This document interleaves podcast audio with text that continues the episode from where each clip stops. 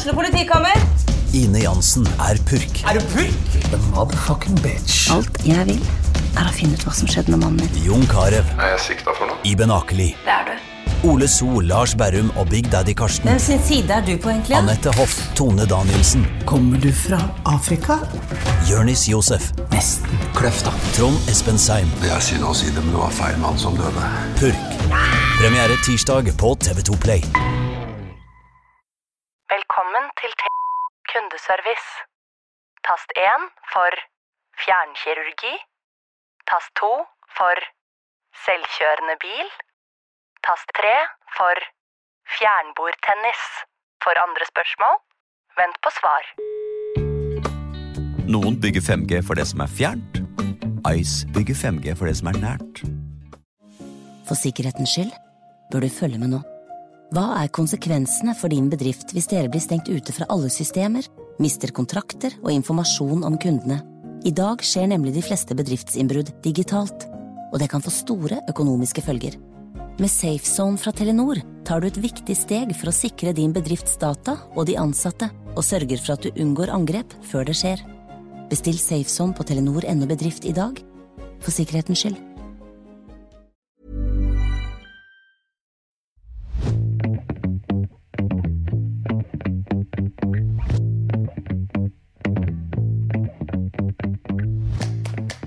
Overgangsalder kan virke som et siste tabu. Det er så flaut at ingen vil snakke om det, men det skal vi i dag. Velkommen til TV-podden. Jeg er Sissel Vinding Stavseth, og med meg i studio har jeg Dora Toralsdatter. Og du kan jo presentere deg selv. Ja, jeg har et show om nettopp det som eh, du nevnte her, overgangsalder. Showet heter Overganger. Så jeg kommer til Nøtterøy og skal ha show. eh, Og jeg har reist rundt på dette her litt, litt over eh, Ja, nærmer seg halvannet år. 105 forestillinger. Så, eh, så jeg er- brenner veldig mye for det. Så det, jeg er standup-komiker, det er én ting. Og så holder jeg veldig mye foredrag om relasjoner. Jeg er da relasjonsterapeut også, så eh, jeg gir noen terapier. Og så er jeg da styreleder på noe som heter EQ-institutt, som jeg starta for 17 år siden sammen med moren min, faktisk. Og så har jeg Relasjonspodden. Så jeg har på en måte fire deltidsjobber. Som utgjør vel en prosentdel på 140, tenker jeg. Noe cirka der. Ganske full fart med deg, altså. Men eh, det som jeg syns er litt morsomt, er at du var standup-komiker. Sluttet som det, startet som familieterapeut. Ja. Og så ble det et samlivsbrudd, og da slo du sammen de to rollene, på en måte. For da laget du et show om selve livet, og det showet het 'Det var ikke sånn det skulle bli'. Og det var så populært at du reiste rundt og snakket om alt som var litt krøll, og familie og relasjoner og sånn. Så da laget du Familiegreier, som er et show som gikk fra 2017, og nå altså Overganger. Og det jeg hadde lyst til å gripe fatt i, er at du kaller overgangsalder vår tids siste tabu. Og hvorfor kaller du det det? Jeg er sikker på at det er andre som mener at det er andre ting som også er tabu, så jeg vet ikke helt hvem som vinner den konkurransen om det siste tabu. For det er veldig få tabuer igjen, egentlig. Det er veldig mye vi har opp og frem i lyset. Men eh, vår tids siste tabu mener jeg virkelig at I hvert fall én av de. Fordi vi snakker ikke om overgangsalderen. Og grunnen til at jeg lagde et show om nettopp dette temaet, var at eh, jeg visste at jeg skulle lage et nytt show i 2021. Og av en eller annen grunn så tenkte jeg hvor gammel er jeg da? Så tenkte jeg ja, da er jeg 48. Og så ble jeg helt sånn 48, for det har for meg vært en skummel alder. For mamma kom i overgangsalderen da hun var 48. Og jeg var jo 47 da jeg kom på dette her. Og så plutselig tenkte jeg men jeg, jeg vet ingenting. Har, Det er ingen rundt meg som snakker om det. Jeg leser ikke om det. Det er som om det ikke fins. Og det i seg selv syns jeg var så fascinerende at jeg tenkte det er jo nødt til å ta tak i. At du har tenåringstid, ikke sant. Da blir du fruktbar. Og overgangsalder er at du slutter å være fruktbar. Det skjer like mye med kroppen begge periodene. Enormt hormonkjør. Veldig stort inngrip i livet ditt. Du merker det til gangs, og det varer i flere år. Eh, og tenåringstiden snakker vi jo om, og det hadde vært veldig rart hvis ten, altså tiåringer ikke visste hva de hadde i vente. Men overgangsalderen, der lar vi alle damene finne ut av det selv. Du trenger å google. Du kanskje spør en eller annen som er litt eldre enn deg. Du, hva, hva, vet du? Ja. Og så er det masse symptomer veldig mange skammer seg over. Tror det er noe galt med de, Går til legen. De har hjertebank. Hva er dette for noe? Eh, masse forskjellige kroppslige plager som de legger på seg gjerne. Og dette her er altså så tragisk, så underkommunisert.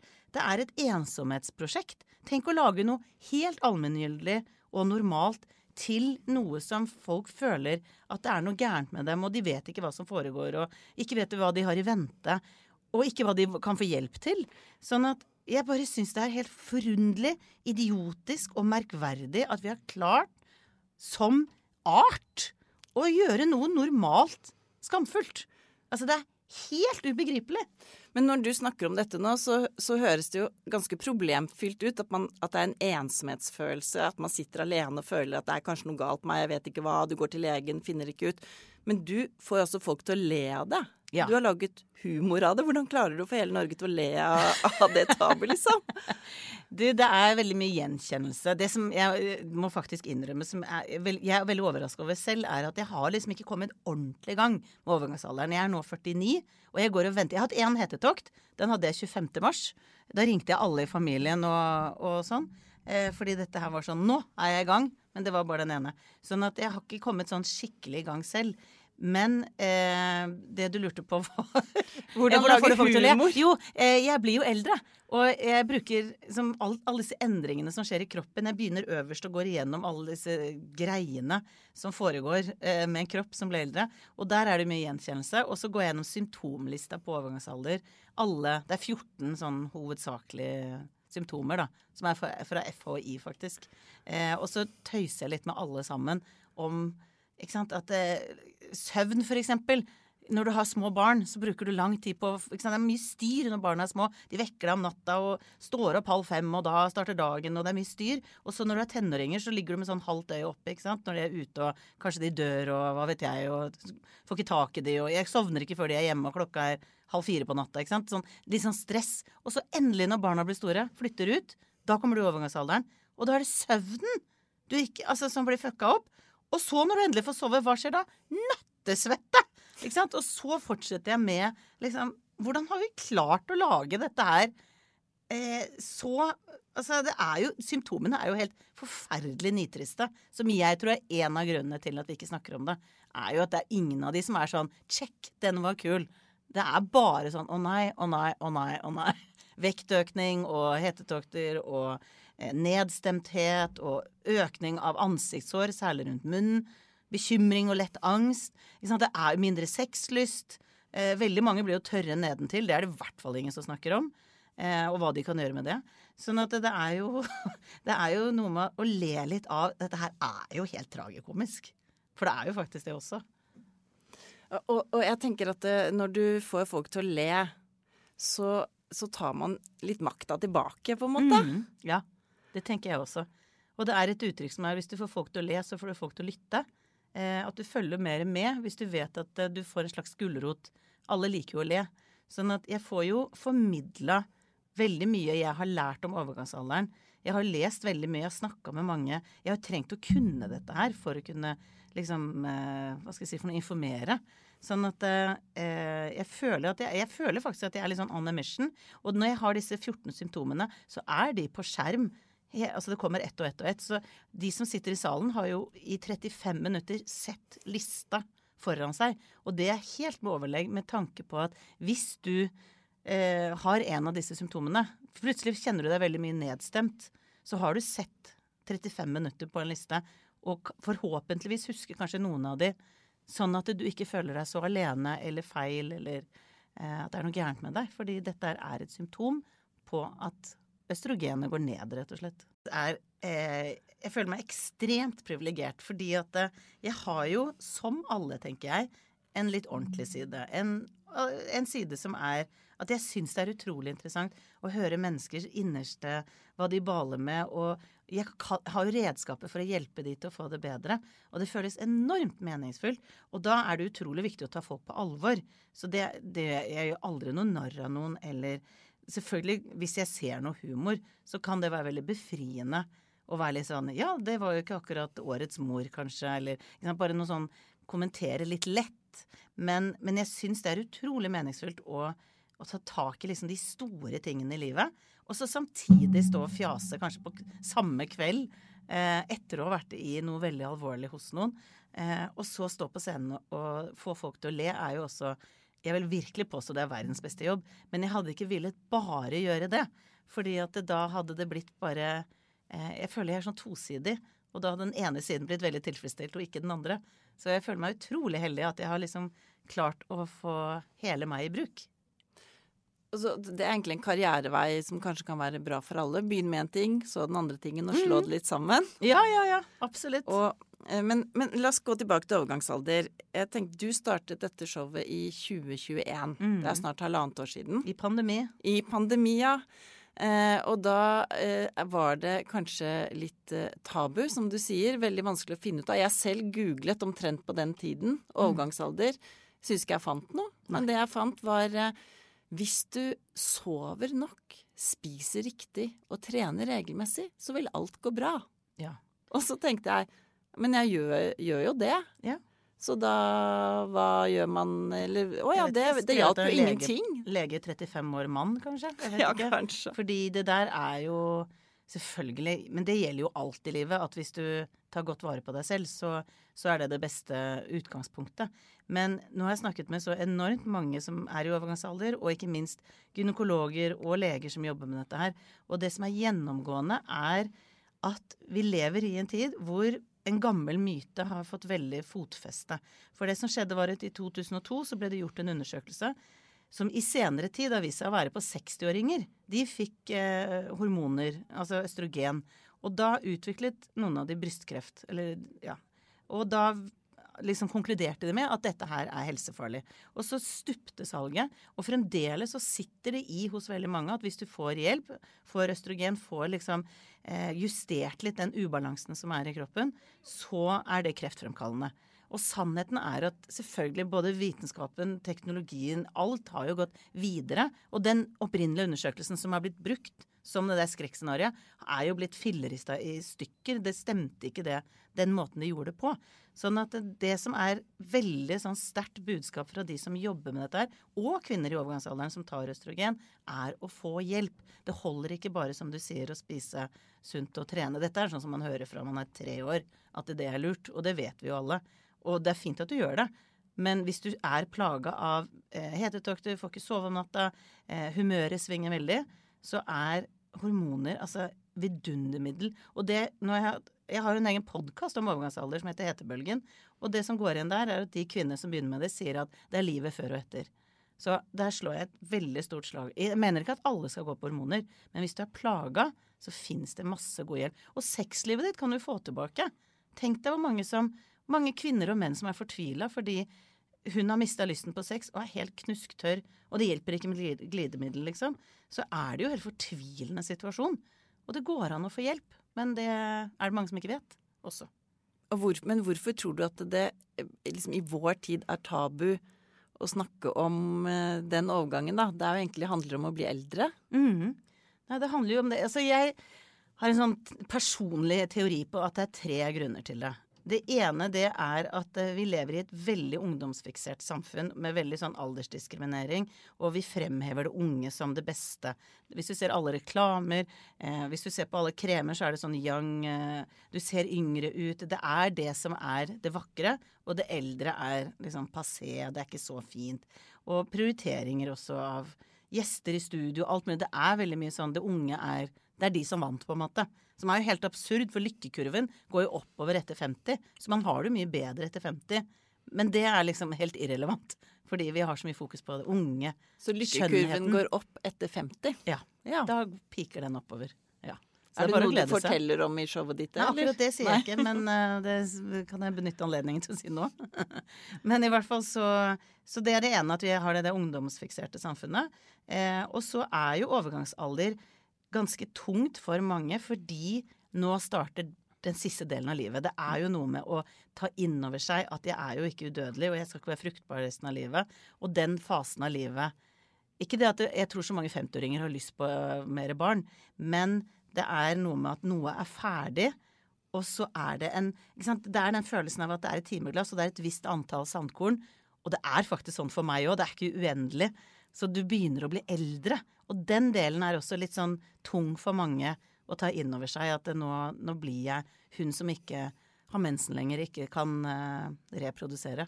Og så det tredje, det er at alle symptomene er kjipe. For å si det rett ut. Det er ingen av de som er kule, gøye, eh, glede seg til. De er hvis du ser, La oss si at du ser for deg en dame på jobben, da. For at vi kan så lite om det, så blir jo kvinner i 50-årene veldig sånn dømt nord og ned for noe de ikke kan noe for. Da kan det f.eks. stå en dame på noen og 50, ha en eller annen presentasjon, og så har hun sovet kjempedårlig fordi at det er nattesvette, og så står hun der med hetetokter og er kanskje varm og svett og svetteringer, og så er det ikke noe varmt i rommet engang. Og så kan hun få dårligere konsentrasjon. Det er en av symptomene, er hjernetåke. Og da glemmer du fort substantivet, f.eks. Så da står du og skal si noe helt elementært, og så glemmer du at en penn heter en penn. Altså helt basic ting. bare eh, Og da fremstår jo denne personen som da har sovet dårlig, nattesvette, står der med hetetokter, eh, hjernetåke, og så dømmer vi. Og det syns jeg er så trist. At vi ikke kan mer, for da hadde vi hatt mer raushet. Fordi hvis det hadde stått en høygravid dame der, så vet vi at det der spinner jo hormonene rundt, og hun glemmer ting og surrer litt og sover dårlig, og, og da er vi så snille ofte. Du, dette her er eh, Dette går fint, ikke sant? Mens jeg, jeg tenker at det, det, at de symptomene Det var den tredje grunnen til at jeg tror at dette er veldig underkommunisert og snakkes litt om, er det at eh, det er så kjipe symptomer i lengre tid. Det kan være liksom syv år hvor du kaver med dette her. Og så får du litt sånn fri. Men ikke nødvendigvis. Det finnes 90 år gamle damer som har hetetokter fremdeles. Så og det er helt merkelig å, å, å, dypdykke i dette her og snakke med folk som er eksperter på det, er at overgangsalderen kan være En tredjedel opplever veldig lite. De kan ha, føle seg litt varme eller være litt sånn hormonelle i tre måneder, og så er det ferdig. De var ferdig på en onsdag klokka to, og det begynte på mandag klokka ni. Ikke sant? Veldig, veldig kort. Og så er det en tredjedel som har moderate plager, som er litt sånn ups and downs i noen år, og så går det over. Eller roer seg. Og så er det en tredjedel som er altså virkelig plaga av dette her. Som har livskvaliteten redusert og trenger å gå ned i stilling og virkelig sånn heavy inngrep i livet. Og gjerne har sexlivet sitt helt ødelagt omtrent. Hvis ikke de får hjelp, da. Sånn at eh, For å svare deg, nå brukte jeg veldig lang tid. Nummer én er det der ungdomsfikserte samfunnet. Det andre er det med at alderdommen Nå er den her. Nå begynner jeg å bli eldre. Og du får jo mer rynker, ikke sant. Det er jo mange Det er også et av symptomene. Eh, at du får eh, en hud som begynner å bli mer synlig at du har levd. Og så det tredje er disse kjipe symptomene. Så, så det er jo jeg, jeg, jeg kan til en viss grad forstå at det er sånn. Men samtidig så tenker jeg den eneste måten å bli kvitt noe skamfullt, er å åpne opp og snakke om det. Nå snakker jeg veldig mye, jeg er klar over det. Du kommer liksom ikke til. Men dette er det siste jeg skal si, da. At siste, den eneste måten å endre på noe skamfullt, er åpenhet, eh, dele erfaringer og snakke om det. Når vi gjør det, så slutter ting å være skamfullt. Og det har jo du valgt å gjøre.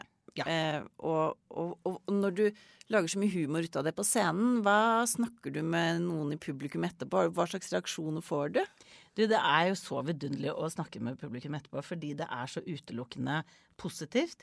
Og de som da ikke har kommet i overgangsalderen, de sier takk, du, nå vet jeg hva jeg har i vente. Ikke det at alle gleder seg. Det er jo noen Jeg har snakket med 25-åringer som bare Å, oh, shit! Nå bare Nå har du Wow! Er det dette som skal skje? Men det er det som skal skje. Så get used to it, på en måte. Dette her er det du har i vente. Eh, og så er det de som er i overgangsalderen, som er sånn letta for at de har trodd at det har vært noe gærent med dem. Og så har de sett showet, så har de skjønt Oi, check, check, check. Det var jo fem ting som ikke jeg visste var faktisk overgangsalderen. Som jeg står i, midt i nå. Visste ikke at det var det det var. Oi, nå fikk jeg svar. Og det tror jeg kanskje er noe av det mest berikende tilbakemeldingene jeg får, er når de som er der, får aha-opplevelse på at dette her er jo normalt. Dette her er noe som angår alle. Dette er helt innafor. Det er ikke noe gærent med meg. For sikkerhetens skyld bør du følge med nå. Hva er konsekvensene for din bedrift hvis dere blir stengt ute fra alle systemer, mister kontrakter og informasjon om kundene? I dag skjer nemlig de fleste bedriftsinnbrudd digitalt, og det kan få store økonomiske følger. Med SafeZone fra Telenor tar du et viktig steg for å sikre din bedrifts data og de ansatte, og sørger for at du unngår angrep før det skjer. Bestill SafeZone på telenor.no bedrift i dag, for sikkerhetens skyld. Velkommen til T kundeservice. For å bli kunde, tast 1, eller fortell meg kort hva du trenger hjelp til. Dekningsgaranti. Mente du fjernkirurgi? Nei, eh, dekningsgaranti. Du settes nå over til fjernkirurgisk avdeling. Noen bygger 5G for fjernkirurger. Ice bygger 5G for oss andre. Nei. Men igjen, hvordan gjør du dette morsomt? Jeg har ikke sett showet, så jeg vet ikke hvordan du har klart å få det. disse. Ja, det må jeg komme og se. Hvordan du har fått eh, gjort dette morsomt, liksom. Det høres jo forferdelig ut. Nattesvett og Ja. miste konsentrasjonen og husker ikke at en penn heter en penn og Ja, ja, ja. Nei, det er jo det at eh, hvis du Altså, det, det handler jo om måten å si ting på. Og så blir det jo liksom eh, å gjøre det litt allmenngyldig og tilgjengelig på hvor absurd det er at fra Sånn som jeg sier jo også i showet, at jeg syns jo det er ekstremt mislykka opplegg fra naturens side. For greia er at du kan ikke få barn lenger, så du kan jo egentlig bare ligge rundt så mye du vil uten at det får konsekvenser. Og i den anledning så har moder jord gjort det sånn at du er helt rød og svett oventil, og helt tørr nedentil. Sånn, Kos deg! Og det fordi at det er så absurd, og da ler folk For de vet jo, det er jo sant, det er jo sånn det blir. Men fy fader òg Så det er liksom å ta ting litt på spissen, dra det litt ut. Og da blir det ofte litt gøy når det er litt overdrevent. Men, men jeg tror gjenkjennelse er en veldig stor del av det. At det, de føler at 'å, nå snakker du om livet mitt'. Når jeg går gjennom hele kroppen og snakker om de første grå hårene, og at jeg har øyebryn Jeg visste ikke at jeg hadde øyebryn for 56 år siden, og alle begynte å gjøre så mye med de, og hva blir det neste vi skal skamme oss over? Er det albuen, liksom? Sånn der, å, skrukket, det er så flaut, liksom. At det, det er jo Det er denne overdrivelsen som er veldig mye humorredskapet. At du tar det litt Du drar det litt lenger ut. Og det er nok å ta, egentlig. Å, det er ser- nok å ta av. Ja da. Men jeg lurer Jeg tenkte også at du kanskje var litt i front på en bølge som kommer nå. For jeg har lagt merke til nå som jeg researcha litt for denne podkasten. At eh, akkurat det siste året, kanskje, Ja. så har det kommet mer sånne informative artikler med par som har stått fram, hvor hun sliter med overgangsalder, og han er forståelsesfull. Og eh, jeg intervjuet selv en dame som bor her, som eh, kjemper veldig hardt for at kvinner skal få sjekke testosteronverdiene. For å få tilbake kraften og sexlivet. Og, Ja. som, og samtidig er det en veldig, var det en veldig skepsis da jeg henvendte meg til, til liksom eh, eksperten, altså medisineren eller sykehuslegen, da. For redd for å tukle med noe. Så det er liksom, det er liksom brytningstid, virker det som. Ja. Men øh, også veldig mange flere vanlige damer som når man er på jentefest snakker om Nå har jeg hørt at det er noen i Drammen du kan få testosteron hos, Ja, eller at det er blitt litt mer sånn snakkes, da. Ja. Og jeg syns det er en kjempeforskjell. Fordi da jeg sa at jeg skulle lage show om det, så var standardreaksjonen For det første, det, det høres ikke gøy ut. Og eh, litt sånn at du gidder å ta et så usexy tema. Lykke til, liksom. Fordi eh, det høres jo ikke ut som så veldig salgbart, eh, på en måte. Og jeg syns det var vanskelig å få tak i informasjon. Jeg trengte jo å google. Jeg leste jo alle bøkene som uh, fins. Om, eller det, det er fire av de i Norge. Så når jeg sier det fins alle bøkene, så høres det ut som 30. Det er fire bøker om overgangsalder i Norge til salgs i bokhandelen. Eh, og de har jeg lest. Og, eh, og jeg syns det var veldig sånn medisinsk alt sammen. Og så savna jeg sånn Men hvordan oppleves det? Og da trengte jeg å begynne å spørre i øst og vest og hytt og pinne. Og da var det jo veldig mange som sa at dette snakker jeg ikke med noen om. Og, eh, men jeg kan godt si For jeg la det jo fram som liksom research. Dette her er jo skal lage show, jeg kan jo ingenting. Jeg, jeg driver og venter på første tegnet sånn ordentlig. Det er jo i gang, det er jo ikke noe tvil om det. For det, jeg kan jo huke opp på flere av symptomene. På at det tar litt tid på å sovne. Og, og det er en ekspert på overgangsalder som sa at hvis alle kvinner som ikke får sove klokka fire, hadde skrudd på lyset, så hadde vi aldri følt oss så alene. Fordi at det hadde vært lys overalt. Dette her er utbredt. Så dette er typisk, faktisk, at man Ja. kan få litt dårlig nattsøvn. Ja, ja, ja. Dårligere nattesøvn og bruker lengre tid på å sove. Svetter gjerne om natta. Av og på med dyne. Fryser varm om hverandre. Så søvnkvaliteten blir dårligere i flere år. Og det gjør noe med oss. Vi vet jo det, småbarnsforeldre som sover dårlig. Der er vi så Stakkars deg, hvordan sover Det er jo første spørsmålet småbarnsforeldre får. Oi, du er en toåring, hvordan sover han? Eller hvordan sover hun? Eh, ettåring, eller mens, mens kvinner i overgangsalderen blir jo ikke spurt om det. Og litt sånn ja ja, det får du bare deale med. Ehm, men du spurte opprinnelig om eh, At, at det har endra seg, Ja, rett og slett. seg. At det er blitt litt mer At det Det sakte, det. men sikkert er litt mer åpenhet. Det er litt mer snakk i offentligheten. Du var jo i Ja. Dagsrevyen og skulle snakke om Ja. det. Ja, og jeg, eh, så, så når du sier det, så var det sånn at jeg lette så mye etter informasjon. Mens nå begynner jeg å tenke sånn Oi, der var det tilfeldigvis en artikkel. Oi. Og selvfølgelig, jeg ser jo det jeg leter etter, eller det jeg er interessert i nå, mer. Men, men jeg merker virkelig at det er et skifte på gang på å snakke litt mer om det. Og jeg syns det var litt interessant da jeg fant ut å skrive om dette her, så snakket jeg tilfeldigvis med en journalist i Norsk Ukeblad. Og da sa hun ja, jeg ønsker deg lykke til med å finne ut av ting, fordi hos oss så har vi hatt lyst til å skrive om det mange ganger, men så har vi nødt til å droppe det flere ganger. For case, vi finner ikke caser. Det vil si kvinner snakker om noe som angår alle andre på deres alder, men de vil ikke være ansiktet utad. De vil ikke være liksom hun med den tørre skjeden. Eller hun med det liksom eh, humørsvingningene som går og kjefter på alle og er veldig sårbar på samme tid og eh, føler at livet bare What the fuck skjedde, liksom? Eh, så det er så vanskelig å finne de som tør å snakke om det, sa hun. Men har du noen gode råd eh, til, eh, til par eller til damer, damer eller par, hvor eh, hun har overgangsalder? Altså, Hvordan skal man snakke om det som er litt vanskelig? At sexlysten daler? At, Ja, ikke sant? at, du, at du ikke skjønner hvorfor du er sinna når du er sinna, eller hva det er? Ja, jeg, det er en som heter Anita Prante. Hun er helsesykepleier, og hun eh, hun er eh, veldig langt framme når det gjelder informasjon om overgangs... Hun har egen podkast om det, og på Instagram så er det Menopause by Anita.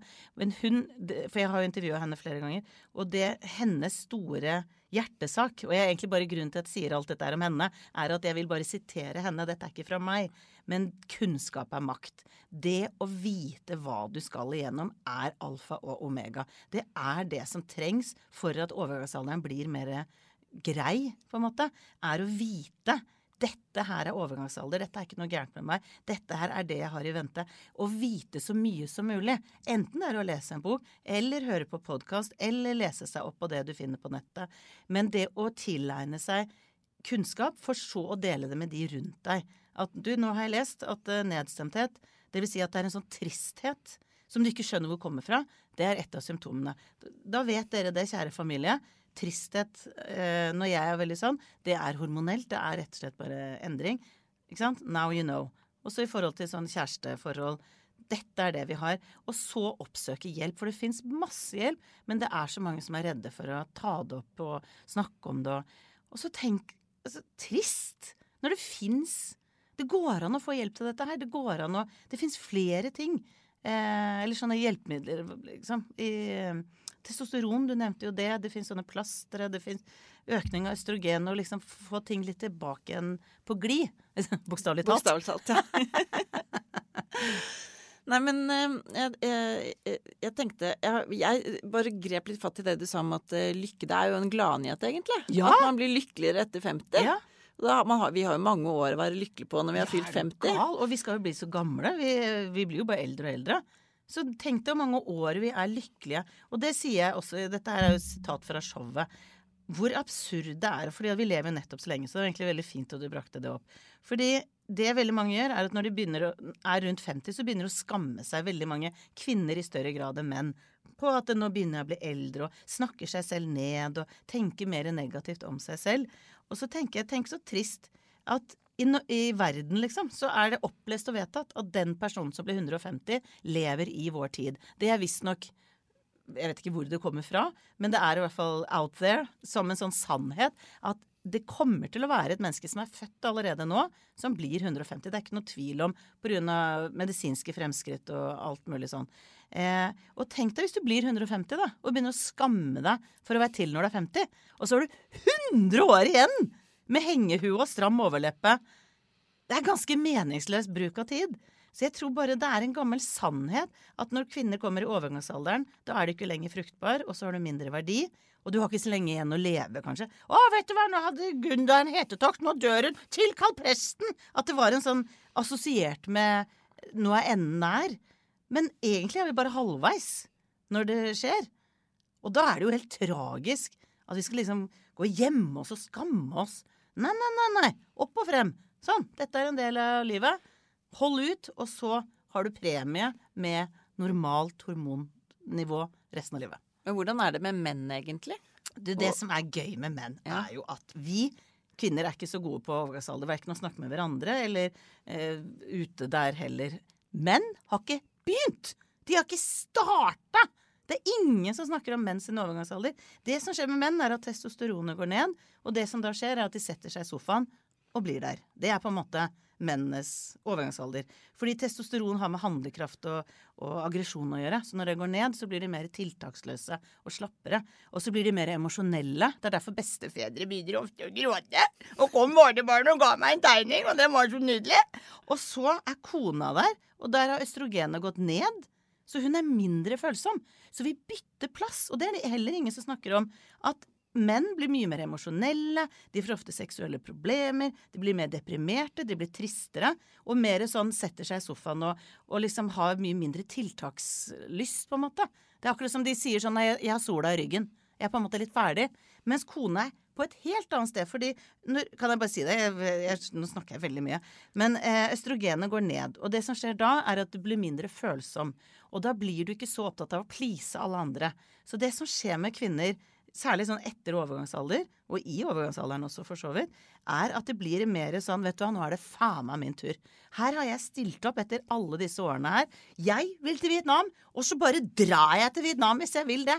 Og den derre fordi østrogenet har vi jo for at mennesker overlever. Fordi vi trenger et sånn omsorgsgen til å ta vare på f.eks. hvis du har kolikkbarn eller fire barn og de vekker deg. og Du trenger jo å ta, ha omsorg for noen som trigger, og tålmodigheten blir jo pusha hele tiden.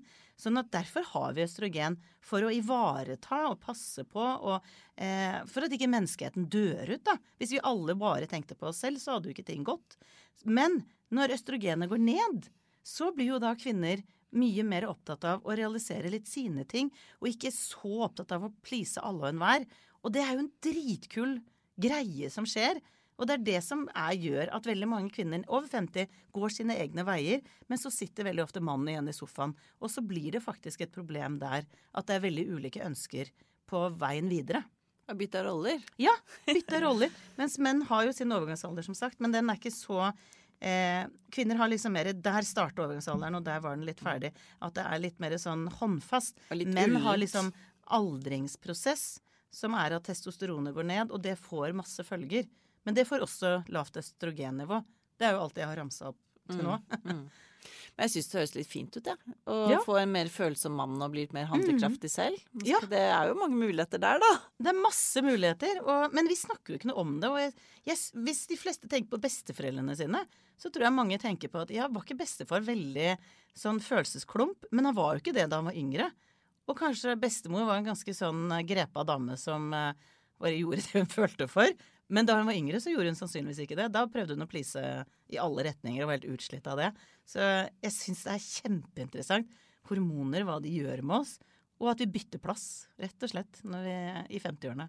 Og, det, og, og, og dette har du Du har jo vært eh, på Nøtterøy før. Ja, det er andre andre jeg er jeg Og fått folk til å le av det, og folk vil ha deg tilbake. Så nå skal du dit 19. januar, og du skal fortsette reise Ja. rundt eh, i hvert fall ut mai, har jeg skjønt. Ja. Kanskje lenger.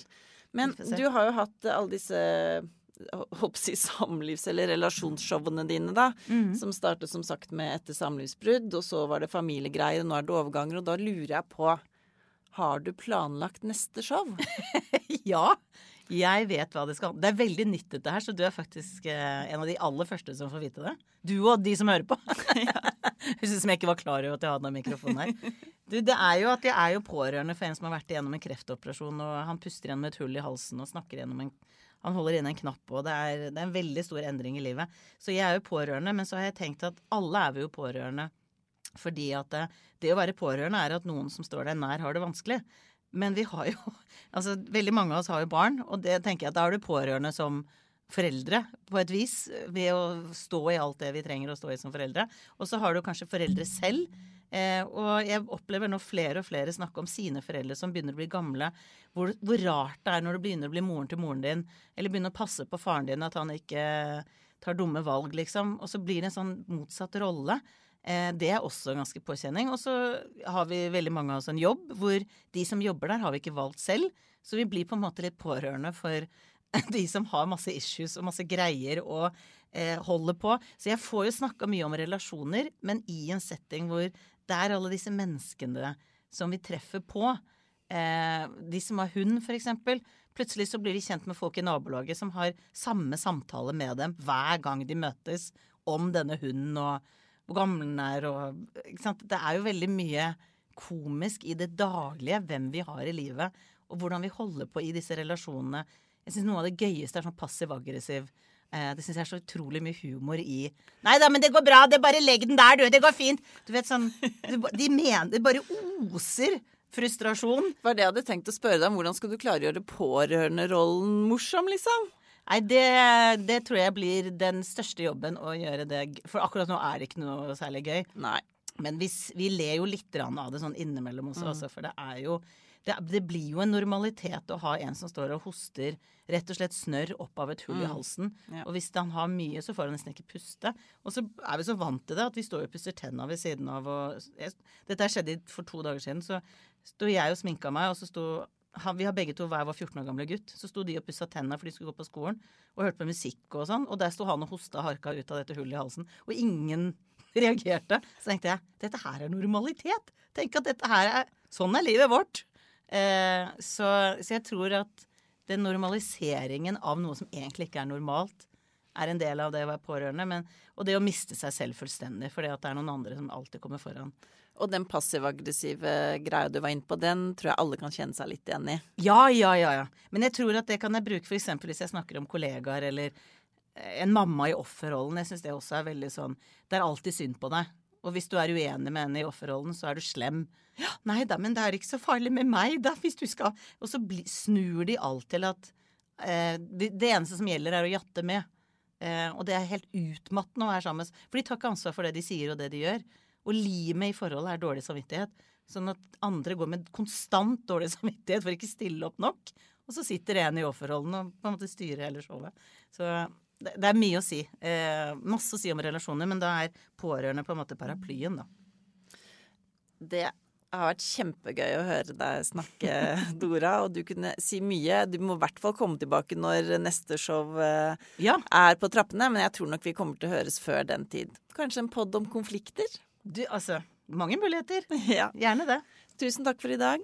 Bare hyggelig. Det er Sissel Vinding Stavseth som har laget denne episoden. Ansvarlig redaktør er Sigmund Kydland. Har du et enkeltpersonforetak eller en liten bedrift? Da er du sikkert lei av å høre meg snakke om hvor enkelt det er med kvitteringer og bilag i fiken, så vi eh, gir oss her, vi. Fordi vi liker enkelt. Fiken superenkelt regnskap.